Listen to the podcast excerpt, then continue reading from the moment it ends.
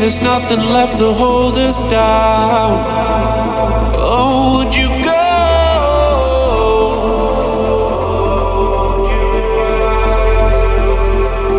We've been talking, walking through emotions, trying to find some solid ground. Oh, would you go?